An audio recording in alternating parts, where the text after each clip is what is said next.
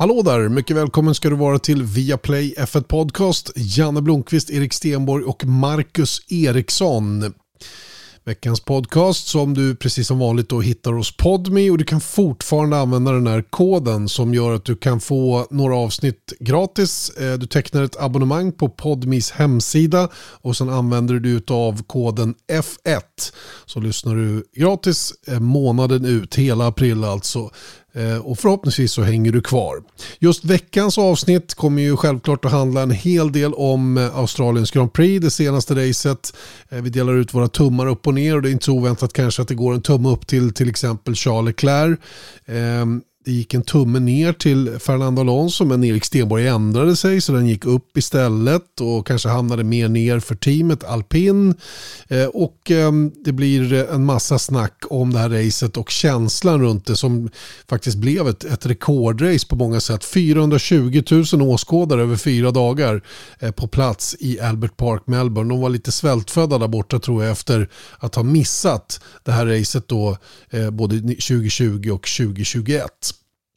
Ett rykte som också förekommer, eller har förekommit under en längre tid nu, är ju eh, att Porsche och Audi är på väg in i Formel 1 från och med det nya motorreglementet 2026.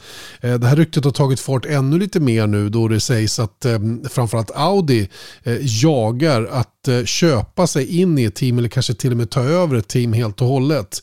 Eh, att Porsche kommer in det är väl mer eller mindre klart och de kommer att göra det tillsammans med Red Bull. Eh, vi tog kontakt med Formel 1-korrespondenten för TheRace.com, Scott Mitchell i Melbourne, Australien och han gav oss senaste nytt. So we've had um, it, it's felt like one of those. I know that a lot of people listening to this and people that follow Formula One will have just been rolling their eyes a few times over the last few months because how many times have we heard the Volkswagen Group or or Audi or Porsche like talk about maybe coming into Formula One, and I've had so many messages from people saying, "Oh, I'll believe it when I see it," uh, and I do understand it. I understand the cynicism, um, but but this is different. This is a lot more serious. It's been it is being dragged out, which is a bit confusing in in some areas, but basically what's new is that last week or this week as I sit here now, but by, by the time people listen to this, it'll be last week. Um, there was a meeting of uh, the the most senior board, me- board members of the, the Volkswagen Group, uh, Porsche, and, and and Audi, the the supervisory board, effectively, and they within that board meeting they they confirmed plans, potential plans, to enter F1, and they haven't made a final decision yet. So what that means, because it's a slightly slightly convoluted bit of phrasing from them, but what it means, I think, is that they have now decided internally how they would go about entering Formula One. So now the process or the the the onus is on Porsche and Audi to then go and finalize or see if they can finalize these deals or what they would need to finalize these deals. And then once there are finalized 2026 te- technical regulations, Porsche has its deal done, Audi has a deal done, that's when the Volkswagen group would would commit 100% to these entries. And where that leaves us is um, Porsche, as I understand it, is as good as done with a, a deal with Red Bull to collaborate with Red Bull powertrains.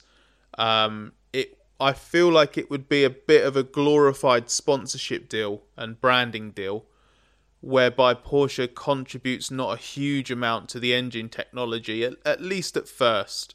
Certainly not so much on the internal combustion engine side, maybe a bit more on the energy recovery system.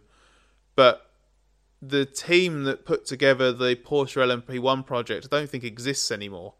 I think it's you know those people have been moved around into different things. I don't even know if everyone's still at the company.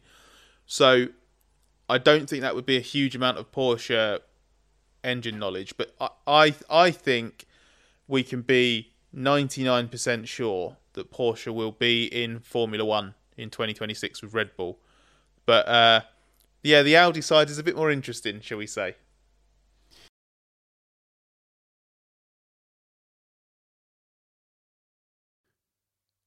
Ja, Scott Mitchell där alltså. Hela den här intervjun den hör du alltså i Viaplay F1 Podcast. Hela podcasten då finns på Podme. Så missa inte det nu. Teckna upp dig för ett abonnemang och eh, häng med oss när vi plockar ner och snackar upp F1-säsongen 2022. Eh, vi säger därmed på återhörande nästa vecka. Då är vi tillbaka igen nästa tisdag alltså. Tills dess, ha det fint. Hej då!